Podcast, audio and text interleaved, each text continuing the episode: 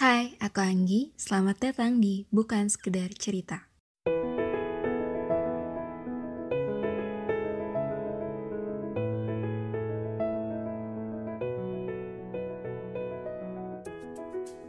Hai, di episode kali ini tentunya akan ada seseorang yang berbagi ceritanya di sini. Seseorang yang mungkin teman-teman sering lihat di Instagram, TV, uh, YouTube ataupun tempat praktek psikologinya langsung mungkin ya pernah ketemu. Tahu kita yang satu ini adalah seorang psikolog pendidikan. Uh, dia aktif di ajang-ajang kecantikan tuh. Seperti dulu waktu S1 ya, jadi putri pajajaran, terus uh, putri muslim Indonesia berbakat. Dan ya, sekarang kalau teman-teman lihat udah jadi psikolog pendidikan ya saat ini. Kita langsung aja uh, panggilkan Kak Indah sendiri. Halo Kak. Halo Anggi, aduh aku malu jadinya disebut-sebut kayak gitu. itu zaman S1 segala macam pengen diikutin, pengen dicobain, jadi ya udah deh ikut-ikutin begitu lah. iya, nah, itu yang aku tahu ya kak, masih mungkin mm -hmm. banyak lagi prestasi-prestasi yang selain. Waduh. Kayak gimana kak kabarnya kak? Alhamdulillah, aduh keselak. alhamdulillah baik, alhamdulillah. Oke. Okay. Ah, gimana kabarnya? Ah, Iya, alhamdulillah kak lagi ngejar kayak kak Indah nih lulus. Aduh, semangat, semangat, semangat. Pokoknya uh, setiap hujan itu kan pasti ada pelangi ya. Jadi asik. Pokoknya nikmatin aja sih proses ya. Iya. yeah. Aku kalau ke orang-orang yang lagi S2 selalu gitu ngomongnya. Aku nggak bisa bilang kayak ayo dong bisa gini-gini. Maksudnya karena I've been there gitu kan aku tahu hmm. gimana ups and downs-nya gitu kan. Tahu juga dari mulai semangatnya sampai enek-eneknya gitu kan. Jadi aku cuma bisa bilang ya nikmatin aja setiap prosesnya. Pasti ntar terbayar kok gitu. Amin. Kayak kak Indah ya sekarang udah terbayar ya kak? Alhamdulillah um, masih banyak belajar banget lah gitu. Aku hmm. aku praktek aku udah berarti udah berapa tahun ya? Uh, sebagai psikolog berarti udah dua tahunan lebih lah kalau nggak ya kurang lebih dua tahun tapi kayak aku ngerasa masih ya banyak banget gitu. Karena at the end tuh kalau kita di lapangan kita ketemu kasus-kasus ya entah itu kita ngadepin klien gitu ya memang banyak hal yang jadinya lebih luas daripada yang sekedar kita pelajarin gitu kan. Mm-hmm, yeah. ditambah kayak uh, kayak misalnya aku nih psikolog pendidikan gitu ya. Aku kan nggak bisa selamanya uh, fokus misalnya ngadepin cuman yang masalah pendidikan doang gitu. Tapi kalau misalnya ternyata ada yang mau konsul sama aku let's say misalnya masalah pernikahan gitu. Kalau untuk konseling doang kan sebenarnya semua orang bisa ya maksud aku semua psikolog boleh gitu kan kecuali kalau udah masuk ke tahap intervensi barulah misalnya aku refer ke teman-teman. Jadi kayak begitu aku udah ngadepin um, apa namanya permasalahan-permasalahan yang cukup rumit tuh aku kayak ngerasa oh god gitu loh. Banyak banget ya masalah-masalah yang orang-orang ceritain gitu. Jadi kayak ya pada prakteknya aku juga masih belajar lah gitu. Kayak misalnya kalau aku ngadepin orang yang kayak gini aku masih nanya juga kadang gitu sama teman-teman aku eh kalau ada masalah kayak gini enaknya gue apain dulu ya gitu jadi kita masih sering diskusi lah satu sama lain gitu Hmm, oke. Okay. Karena sekarang juga ini ya Kak udah punya tempat praktek ya, Aditi Psychological Center. Iya, alhamdulillah. iya. Alhamdulillah kita udah punya. Hmm? Kak. Kenapa? Uh, join sama teman-teman bareng-bareng ya? Iya, jadi kita berempat. Basically kita tuh kenal dari zaman S1, S1 Unpad. Uh, dulu kita uh, satu angkatan. Um, kita emang temenan, cuman pas S2 misah-misah nih. Uh, tiga orang uh, Unpad, satu orang UI. Tapi itu pun hmm. angkatannya juga beda-beda semua gitu. Terus kayak out of nowhere, salah satu dari kita kayak bilang, eh gue pengen bikin biro psikologi deh gitu. Terus kayak hmm coba ngajak ngajak beberapa teman ini juga kayak ada tadinya tuh lebih banyak teman yang kita ajak tapi yang akhirnya ready dan kayak ayolah gitu um, siap dengan segala konsekuensinya tuh ya akhirnya jadinya berempat ini gitu. Hmm oke okay. mungkin itu ada IG-nya juga ya kak? Ada ada ya mungkin mm bisa promoin juga. ah, boleh banget dong. Iya nih. iya jadi uh, aku dan teman-temanku kita punya biro psikologi mungkin kalau buat teman-teman yang ah apaan tuh biro psikologi gitu mungkin kalian akan lebih familiar dengan konsultan psikologi kali ya. Jadi hmm. memang kami uh, adalah pelayanan dalam uh, dalam bidang jasa psikologi yang membantu teman-teman dalam menyelesaikan permasalahan teman-teman gitu. Jadi baik itu secara individu, kelompok maupun organisasi. Nah, nama Instagram kita itu @aditi.saicenter. P S Y Center gitu. Jadi uh, bisa dicek langsung uh, kalau mau booking uh, jadwal appointment untuk konseling, psikotes atau yang lainnya itu bisa banget langsung di WA ke admin kita di 0812 8500 4646 nanti tinggal langsung ngobrol aja sama adminnya gitu. Nah, siap siap. Oke kak. Uh, selain uh, jadi psikolog nih kak praktek psikolog, sekarang kesibukannya apa lagi kak? Apa ya? Terus nyari-nyari kesibukan. Aku tuh bingung kalau ditanya kesibukannya apa karena emang aku tuh dari dulu dibilang sama teman-teman tuh kayak emang banyak yang suka bilang kayak aduh indah mah miss celah katanya pokoknya kalau ada celah dikit aja langsung dibabat gitu kayaknya hmm. jadi emang basic kayak anak yang gak bisa diem kali ya energinya banyak jadi tuh emang seneng aja gitu ngelakuin banyak aktivitas. Uh, cuman kalau ditanya kesibukannya apa selain praktek, selain psikolog, ya paling sesekali masih uh, ada apa ngisi-ngisi seminar gitu kan, ngisi-ngisi webinar atau uh, masih suka juga lah uh, mondar-mandir di entertain. Iya. Sekali. Hmm. Ada artikel di Tribun yang mm -hmm. julukan Kak Indah itu psikolog entertain. Oh my god, sumpah tuh kan. iya. Tapi emang kayak, bener sih kayak aku lihat. Aduh, uh, ya mudah-mudahan judulnya bermanfaat ya. iya, karena selain jadi psikolog kan uh, sempat aktif di presenting ya Kak di TV. Mm -hmm. Terus ya di Instagramnya pun sampai sekarang masih aktif untuk uh, foto-foto shoot gitu kan ya kak? Yes, yep. ya. Dan dance-nya masih tuh kak? Uh, masih sih sebenarnya, cuma dibilang rutin juga udah nggak serutin dulu karena kayak ya udah mulai males-males sih gitu kayak maksudnya mm. ya gak tahu ya gitu. Mungkin karena kalau kalau dulu kan uh, apa ya beres kuliah gitu deket deket banget gitu sama sama kosan gitu kan atau hmm. sama kampus tuh deket banget jadi kayak pulang kuliah bisa langsung mampir kalau sekarang tuh kayak butuh effort gitu loh dari tempat uh, kerjaku ke tempat latihan gitu hmm. terus belum lagi hmm. nyesuaiin jadwal sama teman-teman uh, yang kerja gitu kan jadi kayak eh, nggak uh, serutin dulu sebenarnya gitu terus kayak kalau mau iseng workout di rumah tuh kadang kalau udah pulang kerja udah capek terus kalau weekend bawaannya mager emang udah ya udahlah gitu yang penting masih lah seminggu sekali masih gitu cuman kalau dulu tuh bisa kayak cuman selang sehari doang gitu loh sehari dance oh, okay. sehari istirahat dulu se, hmm. se sekacau itu sih kalau untuk dance Oh, gitu. Iya, yeah, oke. Okay. Hmm. Nah, Kak, uh, sekarang kalau yang aku lihat nih, dan mungkin yang lain hmm. lihatnya wah kayaknya enjoy nih jadi Kak Indah gitu ya. Hmm. Udah mencapai psikolog, terus bisa tetap ngejualin hobinya gitu kan. Ya, kelihatannya emang kalau di media sosial uh, menikmatin banget lah gitu sekarang uh, yeah. saat ini gitu. Nah, tapi kayak aku selalu yakin bahwa di balik pencapaian setiap orang itu pasti ada behind the scene-nya mm uh, perjuangan itu di baliknya gitu. Mm Yang mungkin nggak selalu gampang gitu ya kayak. Nah, ini uh, pertanyaan kepada setiap tamu yang datang. uh, pernah nggak sih kak ngalamin mm titik terendah yang mungkin hmm. tuh ngerasanya aduh gue mau menyerah aja atau hmm, down banget nih gitu. Hmm, pernah lah pasti. Maksud aku kayak aku juga gimana ya? Uh, aku tuh tipikal orang yang mungkin kalau kayak Anggi lihat gitu kan kalau di kampus juga mungkin kayak orang tuh mikirnya kan oh Indah tuh orangnya outgoing banget, cheerful banget gitu yang kayaknya um, apa ya? Uh, kayaknya happy terus bawaannya gitu kan. Tapi uh, aku ngalamin banyak banget sih kalau bisa dibilang kalau Anggi tanya kayak ada nggak sih titik terendah kalau aku dibilang kalau aku harus nyebutin satu titik terendah tuh aku bingung gitu karena um, aku mungkin nggak bisa nyebutin satu tapi sebenarnya gini uh, ada tahun-tahun di mana kayak berturut-turut tuh aku kayak dapetin sesuatu yang bener-bener bikin aku nampar aku banget gitu. Hmm. Kayak kalau kalau apa ya? Kalau aku coba inget tuh kayak dari sekitar 2010 sampai kurang lebih 2000 16 17 lah. Itu tuh kayak tiap tahun tuh ada aja yang something surprise uh, yang kayak sampai tiap tahun tuh aku selalu kayak apa ya kalau orang kan tiap tahun bikin resolusi kalau aku tuh tiap tahun nanya gitu kayak nanya aja sama diri aku sendiri kayak what's next nih? gitu. Karena kayak hmm. tahun kemarin gue dapat ini tahun sekarang gue begini gitu.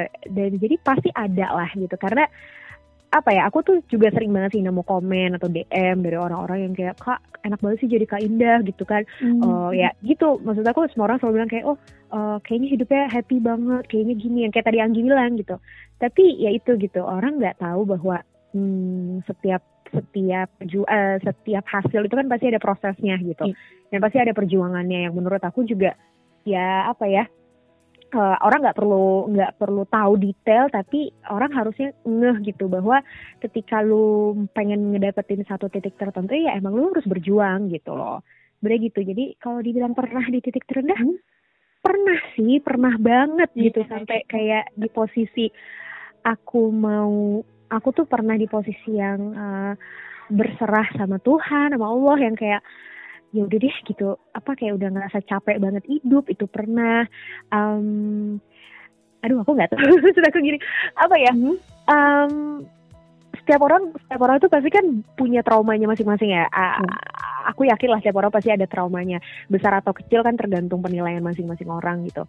Dan ya aku pun orang yang hidup dengan melewati trauma gitu. Jadi kalau orang bilang kayak Duh Kak Indah bijak banget sih, Kak Indah gini sih gitu. Atau suka ada aja yang nyinyir misalnya kayak yang ngomong doang mah gampang gitu. Terus aku suka kayak pengen ngebalikin, emang lo pikir gue gak pernah yang lewatin masa-masa sulit gitu. Emang lo pikir hidup gue baik-baik aja. Enggak loh gitu. Dan maybe gak banyak orang yang tahu gitu. Mungkin hanya orang-orang terdekat aku aja yang tahu gitu. Sampai aku hmm. pernah di titik kayak, ya udah terserah Allah aja deh mau gimana. Aku sampai pernah ngomong gitu sama Allah. Hmm, Oke, okay.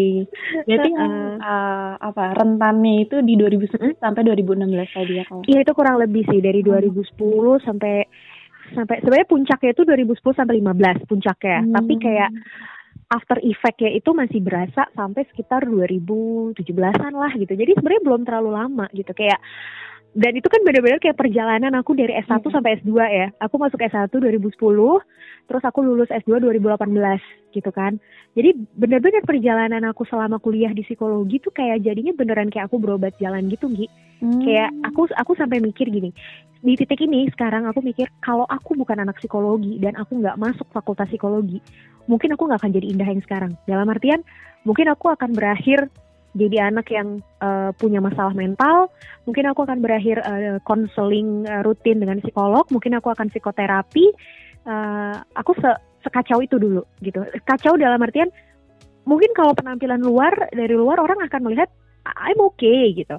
Yeah. Aku gak ada masalah apa-apa, tapi aku rapuh banget di dalam gitu. Aku sekacau itu gitu di dalam gitu. Um, jadi ya itu dia gitu salah satu hal yang bikin aku merasa sangat berkat, uh, sangat bersyukur uh, masuk di psikologi karena aku merasa pertama memang aku dikelilingi orang-orang yang bisa bikin aku untuk itu gitu healing myself. Kedua ya orang-orang yang di sekitar aku itu yang akhirnya jadi comfort uh, support system yang aku gitu yang selalu ngasih positive research buat aku makanya sampai sekarang kalau bisa dibilang parah sih aku sayang banget gitu sama teman-teman aku hmm. yang nemenin aku dari zaman aku kuliah sampai aku lulus gitu even itu di S1 sampai S2 gitu.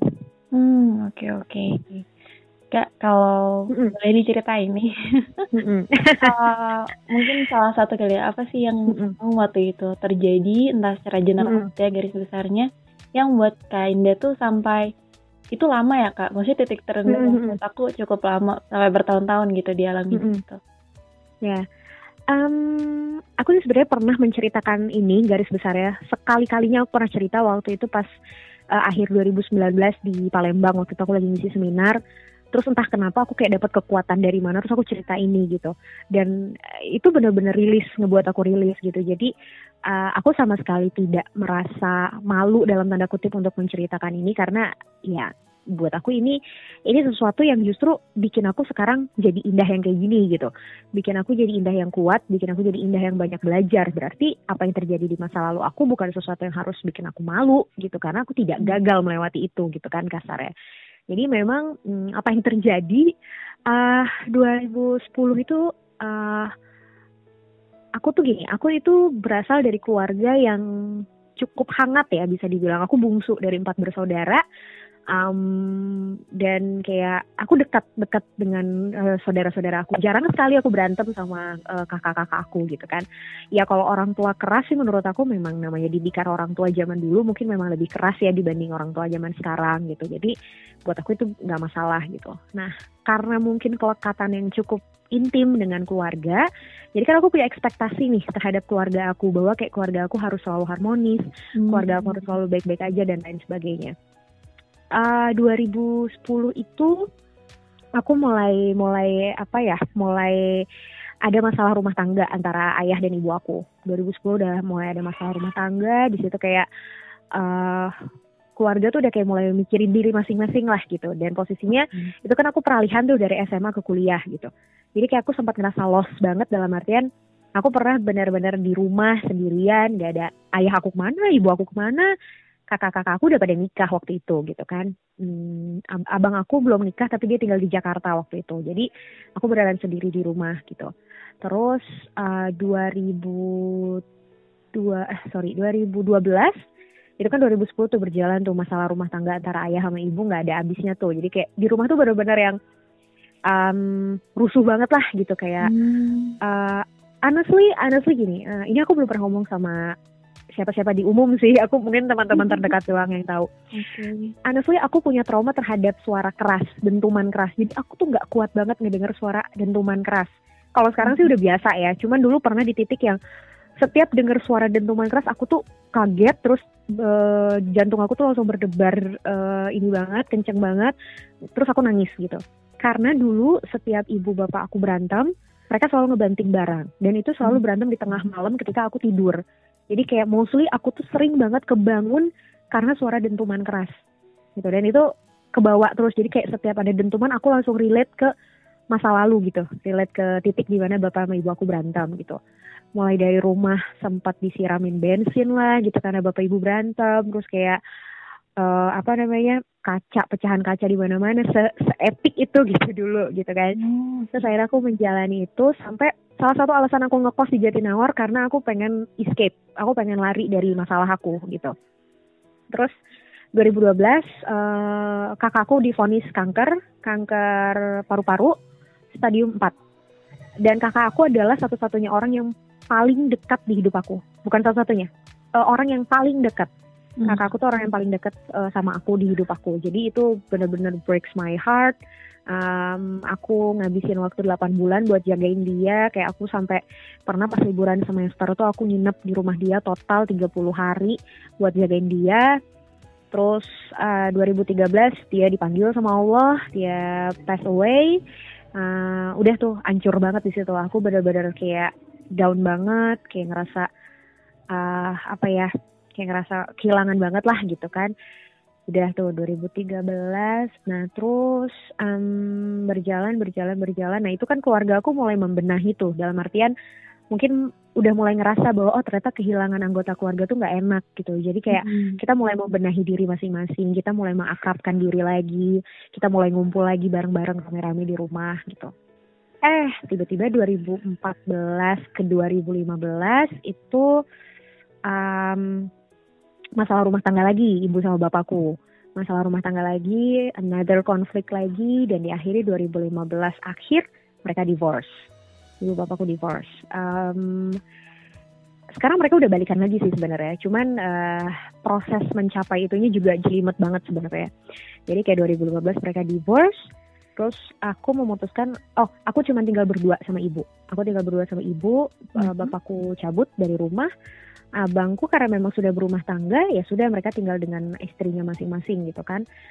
Itu aku ngerasain banget dari 2015 sampai 2016 lah kurang lebih. Itu aku struggle bener-bener berdua sama ibu. Kayak kita rumah pernah hampir kemalingan, kita isinya cuma berdua perempuan di rumah gitu. Rumah pernah hampir kebakaran karena ibu lupa lupa apa eh, matiin kompor gitu kan. Terus ibu pernah masuk rumah sakit karena uh, apa ada ada sakit juga dan mungkin stres juga gitu. Terus aku masuk S2 uh, eh, dengan biaya dari ibu gitu kan. Dan mulai 2014 itu 2014 sampai begitu sampai sampai sekarang itu aku udah mulai ngebiayain hidup aku sendiri. Jadi kayak that's why aku aktif banget di modeling. Mulai 2014 hmm. itu. Karena itu sebenarnya salah satu selain emang aku passion itu tuh kayak salah satu cara aku untuk supaya aku bisa dapat uang gitu. Jadi kayak aku ngebiayain hidup aku sendiri terus kayak sesekali aku bantu bayar listrik gitu. Bantu bayar cicilan motor dan lain-lain sebagainya. Nah masuklah di 2015 aku masuk S2 itu kan after eh masuk S2 dulu terus baru uh, ibu bapak aku divorce kan ibu bapak aku cerai um, 2016 2017 berjalan seperti biasa dengan drama-drama rumah tangga yang masih gitu kan. Nah 2017 itu aku sakit, aku sakit paru-paru. Jadi uh, yang mengharuskan aku untuk kontrol tiap bulan uh, dan itu uh, berat badan aku sampai 39. Kebayang gak? Wow. Iya parah banget emang se seringkih itu berat badan aku sampai 39 dan itu tuh dari pokoknya dari 2015 sampai 2017 komunikasi aku dengan ayah tuh sangat terbatas. Komunikasi aku dengan bapak sangat terbatas. Sampai aku bilang sama sama Allah tuh aku berdoa kayak apa pun caranya please ya Allah gitu tolong uh, kasih indah waktu buat bisa dapat perhatian bapak aku bilang gitu. Dan ya itu mungkin jawabannya Allah kasih ya harus dengan cara aku sakit. Karena ketika aku sakit bapakku benar ngurusin aku full setahun bapakku ngurusin aku full setahun itu di 2017 nah di 2018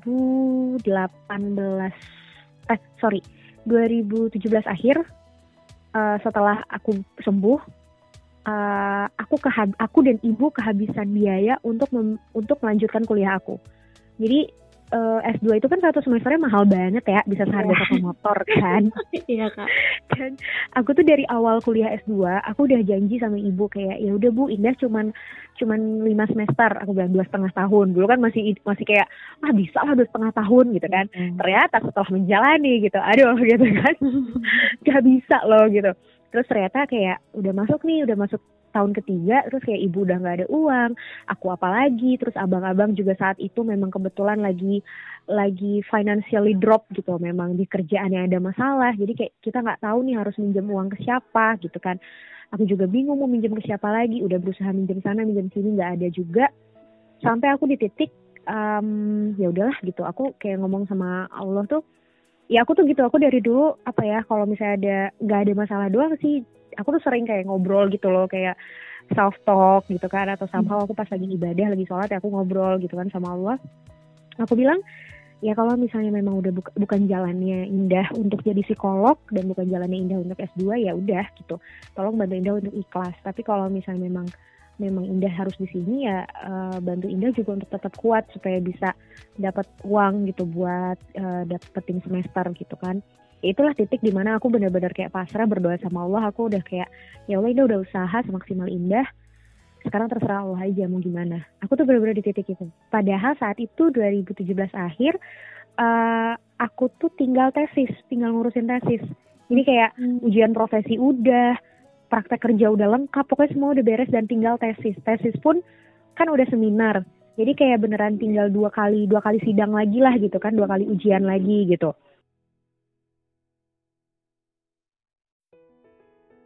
Iya, jadi pokoknya itu aku bener-bener kayak tinggal testis, terus um, apa namanya, uh, ya udah gitu, karena emang nggak ada duit, mau gimana lagi gitu, bener-bener udah nyerah gitu.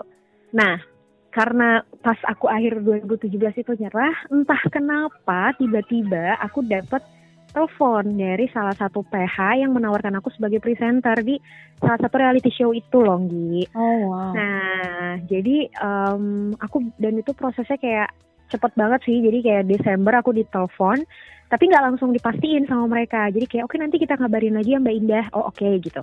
Dan aku nggak ngarep gitu nggak kayak ya udahlah gitu. Aku aku lupa malah gitu kan. Hmm. dan baru dikabarin lagi tuh um, akhir Januari. Dia nyuruh aku datang ke Jakarta. Terus um, dia nyuruh aku datang ke Jakarta. Terus aku screen test segala macam Abis aku screen test dua hari kemudian langsung dikabarin dan langsung ditanya Mbak Indah siap syuting kapan. Kita syuting dulu dua episode ya kata gitu. Oh oke okay. bang. Akhirnya aku balik lagi ke Jakarta. Aku syuting dua episode. Begitu beres uh, syuting dua episode langsung tekan kontrak 50 episode wow. dengan um, gaji yang kasarnya 10 episode aja udah bisa bayar satu semester aku di S2 gitu. Jadi aku tuh sampai seminggu syuting ya seminggu pertama aku syuting aku tuh kayak hmm. bener-bener bengong karena aku kayak kayak kok bisa ya gue di sini gitu yeah, out of iya. nowhere gitu loh yang kayak aku yeah. dapat randomly dapat telepon terus pas aku tanya sama pihak talentnya kok lu bisa sih ngontak gue gitu? Dari mana? Apakah karena lu dapat link dari Putri Muslimah atau lu dapat link dari Hijabhan atau apa gitu? Mm. enggak kata gitu. Gue tuh serandom ngetik psikolog perempuan di Indonesia kata gitu. Nemulah satu artikel yang ngebahas 10 psikolog perempuan di Indonesia. Dan aku adalah salah satu dari daftar itu. Terus dia hubungin satu-satu ada yang memang uh, udah dihubungin tapi nolak lah, ada yang slow respon lah, ada yang dihubungin tapi nggak nyambung. Dan aku tuh di urutan ke sembilan, bayangin gak sih? Yeah, Kayak yeah. berarti ada delapan orang di atas aku yang nolak gitu kasarnya. Mm. Kalau misalnya delapan orang di atas aku ini satu aja misalnya mengiyakan, ya aku nggak akan dapat tempat itu gitu loh. Mm, yeah. Terus akhirnya aku dapat tempat itu. Nah itu dia gitu loh dan makanya pas pas aku dengar cerita dia kayak gitu terus aku berpikir kenapa aku bisa ada di situ oh God gitu. Ini tuh jawaban dari doa aku kemarin gitu. Ketika hmm. aku bilang kayak ya udah aku sudah mengusahakan semaksimal mungkin dan sekarang terserah Allah aja ya ini gitu. Allah ngasih jalannya. Dan ya udah akhirnya aku aku uh, syuting dengan kondisi aku masih tesis kan berarti. Yeah. jadi aku tuh benar-benar dua minggu sekali atau seminggu sekali aku bolak-balik Jakarta Bandung dan aku sampai kayak aku somehow ngerjain tesis di kereta ngerjain tesis di travel hmm. uh, karena ya itu karena buat ngejar lulus gitu dan ya for your information nyinyiran dari teman-teman ada aja sih yang kayak tumben Sun ke kampus nggak syuting gitu terus yang kayak gila ya uh, harus misalnya kalau aku kalau aku ke kampus atau apa tuh yang misalnya uh, Sun Oh, kenapa sih kalau update update tuh kegiatan modeling modeling terus nggak pernah update lagi di kampus? Jadi kayak orang aku cukup aku sempat merasa di di underestimate sih sama beberapa teman-teman aku gitu yang kayak ketika aku dapat nilai paling tinggi di kelas untuk satu mata kuliah yang SKS-nya 5 tuh 5 SKS terus aku dapat nilai paling tinggi. Ibaratnya kalau 5 SKS tuh kita dapat B aja sedih banget ya tinggi ya kan? yeah. nah ini tuh aku dapat A udah gitu nilai aku paling tinggi. Hmm. itu orang-orang hebohnya sampai kayak wih gila lo Isun lo bisa lo dapet nilai paling tinggi. Kayak wah emang emang kalau gue dapet nilai paling tinggi kenapa sih gitu? Segitu segitu amazingnya ya lo gitu. Jadi ya itu aku sempat di titik orang-orang pun ketika aku misalnya udah sidang profesi duluan gila ya Isun yang sibuk aja bisa loh sidang profesi duluan masa gue nggak bisa sih? Hmm. kayak aku di underestimate gitu loh sama orang-orang bahwa oh aku tidak memprioritaskan pendidikan aku gitu. Yeah, yeah. terus sampai kayak yang teman-teman aku sempat yang uh, apa Sun kok syuting sih? Gitu. Terus kuliahnya gimana? Gitu. Aku cuma jawab gini justru karena ada syuting gue bisa kuliah aku gituin hmm. kalau hmm. kalau nggak ada syuting kan gue nggak bisa kuliah dan mungkin mereka nggak ngerti gitu kan iya yeah, itu dan untungnya saat itu sih aku cerita jadi dosen wali aku bang Surya dosen wali aku yeah. dia kan emang dari dari aku S1 dia dosen wali terus uh, dan memang aku sama dia deket banget sih kayak dia tahu banget lah soal ini perjalanan yang aku ceritain ke kamu itu dia tahu semuanya oh, jadi okay. ya jadi kayak dia uh, kind of my personal psychologist juga sih kayaknya gitu kan. Jadi jadi pas aku pas uh, aku syuting tuh aku cerita alasan aku kenapa aku syuting dan dia sangat paham. Dia sama sekali tidak pernah menyalahkan kayak ah lu sih syuting mulu jadi tesisnya kan uh, terbengkalai atau apa hmm, gitu. hmm. dia sama sekali tidak pernah menyalahkan dan semua dosen-dosen pendidikan dosen-dosen di majoring aku pun tidak pernah sedikit pun menyalahkan kayak aku datang ke kampus, aku bimbingan tanpa draft pun ini jangan dicontoh. Tapi ini tuh maksudnya uh, sebagai satu satu apa ya satu perilaku yang menunjukkan kalau dosen-dosen aku tuh begitu support sama aku karena aku pernah bener-bener baru turun dari kereta, aku ngejar waktu untuk bimbingan dan aku belum ngeprint draft. Terus aku kayak hmm. minta maaf banget gitu. Aku datang tapi tanpa draft dan it's okay gitu sama sama mereka ya udah nggak apa-apa kamu ceritain aja apa yang sudah kamu perbaiki dan apa yang masih kamu bingungin gitu jadi udah terus akhirnya um, aku ngerasa bener-bener kayak apa ya kayak mulai live my life gitu. Karena gini ketika aku lulus eh ketika aku sudah beres sidang akhir aku sempat mm-hmm. ngobrol sama bang Surya sama dosen aku, dosen wali aku itu. Aku tanya sama dia so what's next? Aku bilang karena itu tadi aku bilang setiap tahun tuh aku selalu nanya what's next? What's next? Gitu karena aku selalu mikir aku selalu prepare bahwa oke okay, tahun ini gue bakal dapat apa lagi nih gitu kayak aku selalu prepare untuk ah, itu gitu. okay. nah that's why aku nanya lah sama bang Surya so what's next bang? Bilang gitu. Jawaban bang Surya adalah this is your time to live your life. Dia bilang gitu kan. Jadi aku langsung kayak aduh aku langsung oke okay, gitu. Dari situ aku kayak apa pun masalah di hidup gue kayak even masalah keluarga masalah apa pun ya boleh gue pikirin tapi gimana caranya yang harus gue pastiin pertama adalah my life gitu uh, hmm. I I have to live my life gitu kayak uh, make sure aku happy gitu dan ya udah gitu setelah aku lulus aku sumpah aku sumpah psikolog aku wisuda ya udah aku berusaha untuk men, bukan berusaha maksudnya aku mencoba melihat the bright the brightest side of my life gitu yang kayak okay, gue gue liburan gitu. Gue ke mana gue nikmatin hasil kerja gue gitu kan. Uh, gue nikah gitu. Dan ya udah aku ada di titik yang sekarang deh. Gitu. Buset panjang banget ya gue cerita.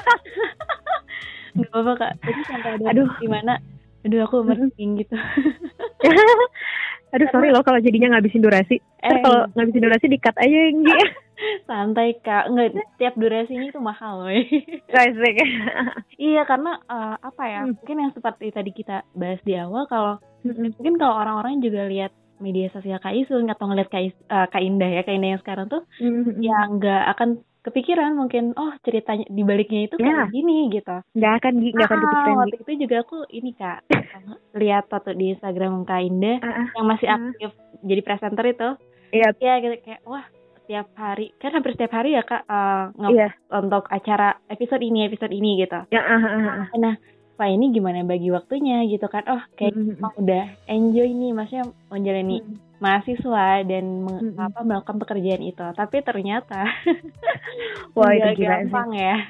Aku akhirnya mikir gini, aku akhirnya mikir mungkin uh, apa ya?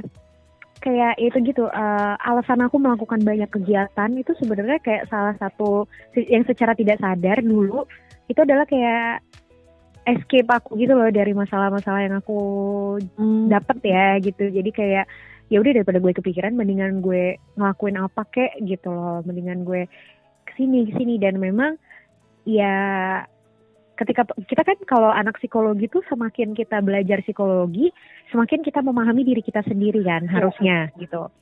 Nah jadi aku makin paham, makin ke sini tuh aku makin paham bahwa oke okay, gila Sindah, lu tuh bener-bener orang yang need of achievementnya tinggi banget, need of mm-hmm. eksistensinya tinggi banget. For your information di aku tuh MPPS ya di tes mm. need of achievement sama need of uh, existence aku itu plus tiga loh. Wow. Sumpah, setinggi itu. Yeah, yeah. Jadi aku nger aku ngerti gitu makanya kenapa oh pantesan aku tuh kayak yang pokoknya aku lomba ini ikut lomba itu ikut dan bener teman aku tuh sempat nanya ke aku dah yang lo kejar apa sih gitu sempat aku ditanya gitu sama teman aku lo tuh udah dapet ini tapi lo tuh masih ngerasa itu gak cukup gitu lo pengen lagi dapat lebih dapat lebih dapat lebih okay. dan ya udah gitu nggak tahu sih hmm. kalau sekarang aku nggak tahu ya sejak kapan gitu mungkin sejak aku lulus itu sih sejak aku lulus S2 itu yang ketika aku dapat insight dari live my life itu di situ aku mulai kayak titik baliknya kayak ya, it, ya itu titik balik kayak hmm. it's it's okay to not to be okay gitu. Maksudnya kayak it's okay to not to be perfect gitu. Lo nggak hmm. harus selalu ada di atas lo nggak harus selalu perfect lo nggak harus selalu maksudnya happy itu bukan ketika lu di posisi juara. Happy itu bukan bukan hanya ketika lu di posisi yang perfect. Even kayak lo hidup sederhana lo kayak hidup apa adanya gitu itu pun bisa bikin lo happy kalau lo nyari happy lo sendiri kok gitu ya udah hmm. jadi aku hmm. sekarang lebih apa ya lebih lebih ngerem mungkin ya ngerem dalam artian nggak seambisius dulu gitu hmm. kalau aku tuh dulu ngerasa ambisius banget sih kayak apa ya kayak kalau aku belum sampai aku pernah nangis karena uh, aku nggak dapet juara jadi kayak aku ikut satu kompetisi terus aku nggak lolos aku tuh nggak harus juara satu tapi minimal dapet titel gitu hmm. sampai aku pernah pas nggak dapet titel tuh aku kayak yang ngerasa uh, sakit hati banget, ngerasa uh, kecewa banget gitu. Nah itu aku pernah di titik itu dan sekarang mungkin aku lebih apa ya lebih lebih santai lah gitu jalanin semuanya nggak usah dijadiin kompetisi gitu loh hidup tuh gitu iya ya chill gitu yeah. oh, oke okay. nah kak uh, kan titik terendahnya itu lumayan lama ya waktu itu sekitar mm -hmm. selama S1 lah dan itu mm -hmm. yang aku juga sebagai pendengarnya ngerasa wah itu tuh berat gitu suatu hal yang berat mm -hmm. dijalani nah mm apa yang sampai pada akhirnya membuat kak Indah bisa uh, survive dan mencapai titik ini gitu? Ada nggak sih momen tertentu atau mm. apa yang sesuatu yang terjadi yang membuat kayak aduh gue harus uh, gue nggak boleh kayak gini terus misalnya? Gue harus mm -hmm. uh, lebih baik dari sekarang.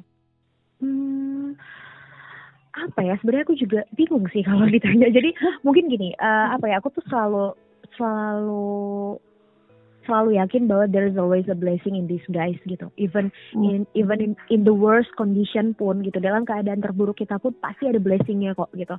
Uh, aku selalu yakin itu. Karena gini satu hal yang aku aku apa ya aku bersyukur karena orang tua aku itu selalu menanamkan uh, apa ya iman dalam artian kayak ya sholat tuh bukan cuma sekedar sholat gitu. Hmm. tapi kenapa lu harus percaya sama Allah? Kenapa sholat itu buat apa gitu? Apa sih eh, pentingnya doa itu segala macam itu selalu ditanamkan. Jadi kayak mungkin itulah salah satu yang bikin aku keep sane ya ibaratnya gitu. Hmm. jadi eh, setiap kali ada masalah aku pasti ngadu gitu sama Allah gitu. Aku nggak pernah ya insya Allah nggak nggak jauh dari eh, Allah gitu. Kayak aku selalu pasti selalu sholat selalu berdoa gitu.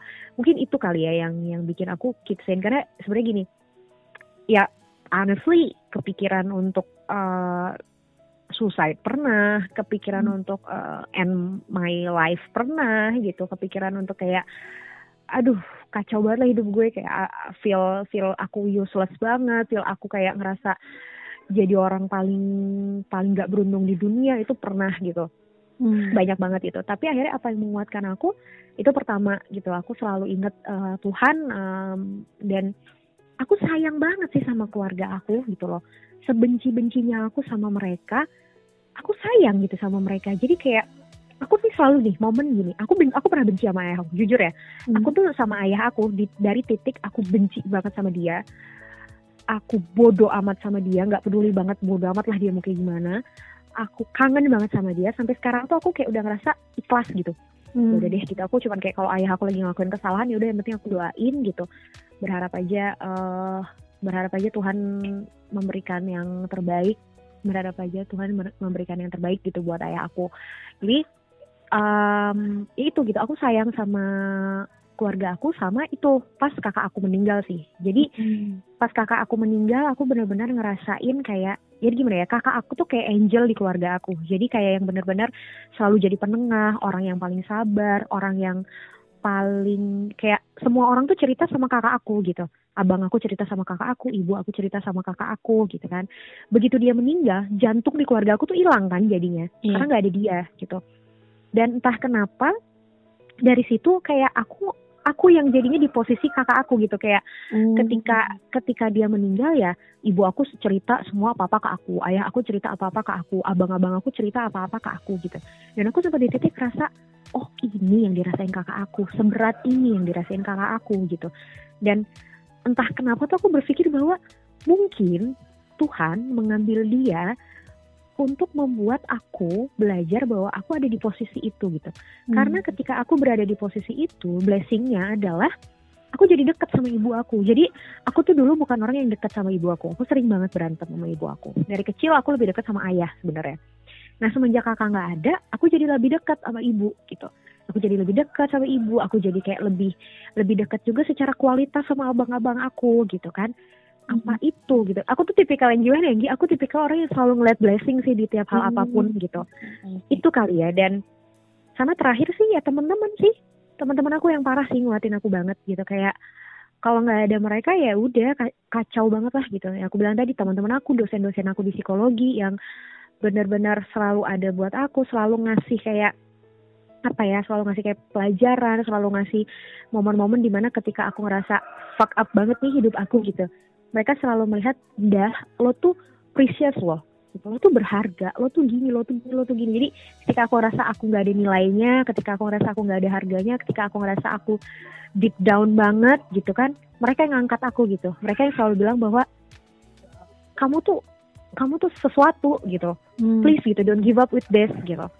Kayak Tuhan ngasih ini ya buat buat nge, nge- apa namanya eh, mahat kamu untuk jadi seseorang yang emang kuat gitu itu sih kalau aku nge- ngerasanya Hmm, kayak words affirmation gitu ya kayak Yap. dari Mm-mm. teman-teman. Hmm, hmm, hmm. Oke, so uh, what is your dream kak?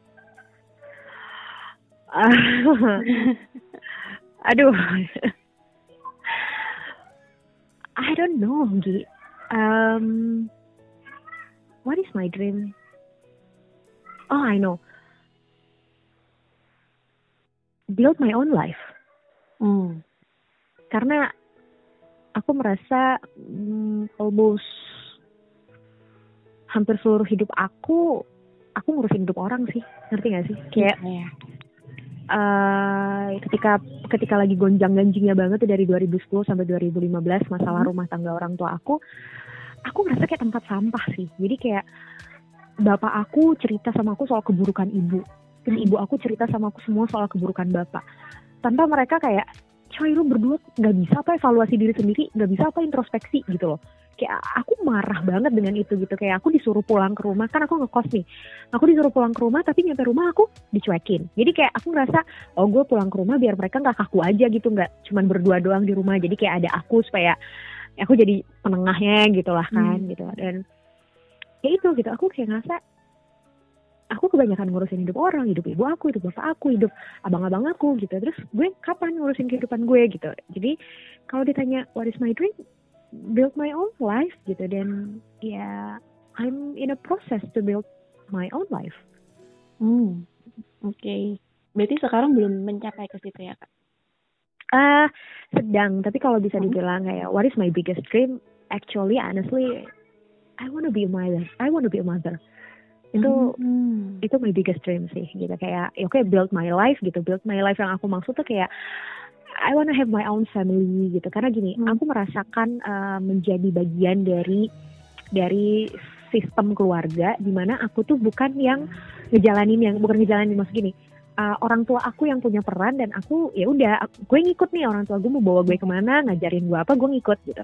Tapi gimana kalau perannya dibalik? Aku yang jadi orang tua gitu. Aku yang ngebuild uh, rumah tangga. Aku yang ngebuild family gitu. Nah aku pengen kayak gitu gitu. That's why kayak aku pokoknya pengen punya anak dan ketika nanti aku punya anak uh, aku akan menghargai hal apa pun yang dia lakukan. Sekecil apa pun yang dia lakukan aku akan hargai gitu. Aku tidak akan menyalahkan dia tanpa aku tanya uh, reasoningnya gitu. Kayak hmm. jadinya aku hal-hal sakit yang yang aku milikin ketika kecil kenapa sih kenapa sih aku orang yang sangat high achievement gitu? Kenapa aku selalu gitu? Karena gini aku melewati masa kecil aku ketika aku ranking aku ranking dua loh. Kok dua sih? Kenapa nggak satu? Hmm. aku dapat nilai 80 loh. Kok 80 sih? Kenapa nggak 100 aku selalu merasa I'm not perfect enough gitu. Yeah, yeah. I'm not good enough for my parents. Ada aja kurangnya. Even ketika aku sudah bagus pun aku ranking satu loh. Oh oke okay, selamat. That's it gitu. Hmm. jadi aku selalu merasa kayak ah, gue nggak boleh gini nih sama anak gue gitu. Karena lukanya lama loh gitu. Dan ya itu gitu. Efeknya jadinya bikin aku yang ngerasa gue haus banget nih sama prestasi gitu. Hmm. itu sih. Jadi karena mungkin ketika mencapai prestasi itu di situlah ngerasa dihargai gitu ya kak? Ya betul. hmm. itu dia yang aku cari gitu. Hmm oke. Okay. nah oke okay, kak. Ini yang terakhir ada semacam closing statement gak kak buat hmm. uh, orang-orang atau teman-teman yang ngedengerin ini? Mungkin ada yang hmm. ceritanya sama cerita kak Indah gitu Hmm, oke. Okay. Um, apa ya? Mungkin pertama aku mau disclaimer dulu asik. I never hate my family, never. Okay. I love my family so much karena gini. Kalau aku nggak ngalamin kejadian ini, kalau aku tidak lahir di keluarga ini, ya aku nggak akan jadi indah yang kayak gini. Aku selalu berpikir seperti itu. Jadi ketika teman-teman semua di luar sana yang sekarang mungkin sedang berjuang dalam mencapai apa pun, dalam mengejar apa pun, somehow mungkin uh, there's always a bad thing about family, please gitu, please stay love them, karena keluarga juga yang pada akhirnya akan bikin kamu kuat. Dan keluarga juga yang akan tetap menerima kamu apa pun kondisi kamu. Keluarga yang punya cinta dan sayang paling tulus. Seburuk apa pun keadaan mereka cinta mereka adalah cinta yang paling tulus gitu. Jadi uh, please uh, keep fighting. Kalau emang kalian benar-benar ingin mengejar mimpi kalian uh, fokus sama mimpi kalian. Dan percayalah bahwa setiap hasil yang baik prosesnya juga pasti nggak mudah. Setiap hasil terbaik prosesnya juga pasti penuh dengan perjuangan gitu. Jadi jangan gampang nyerah, uh, jangan gampang merasa bahwa orang lain kok kayaknya lebih beruntung daripada kalian. Enggak, karena setiap orang punya wakinya masing-masing, setiap orang punya keberuntungannya masing-masing, setiap orang punya zona waktunya masing-masing, setiap orang punya kelebihan dan kekuatannya masing-masing. Jadi keep fighting love your family no matter what karena mereka energi terbesar yang bisa kalian dapat sadar atau nggak sadar sih itu. Oke, okay, thank you banget Kak Isu, eh Kak Indah. thank you Gi, oh my god, aku udah lama banget nggak nggak nggak ngomong sedip ini dan I feel Wow, thank you. oh iya.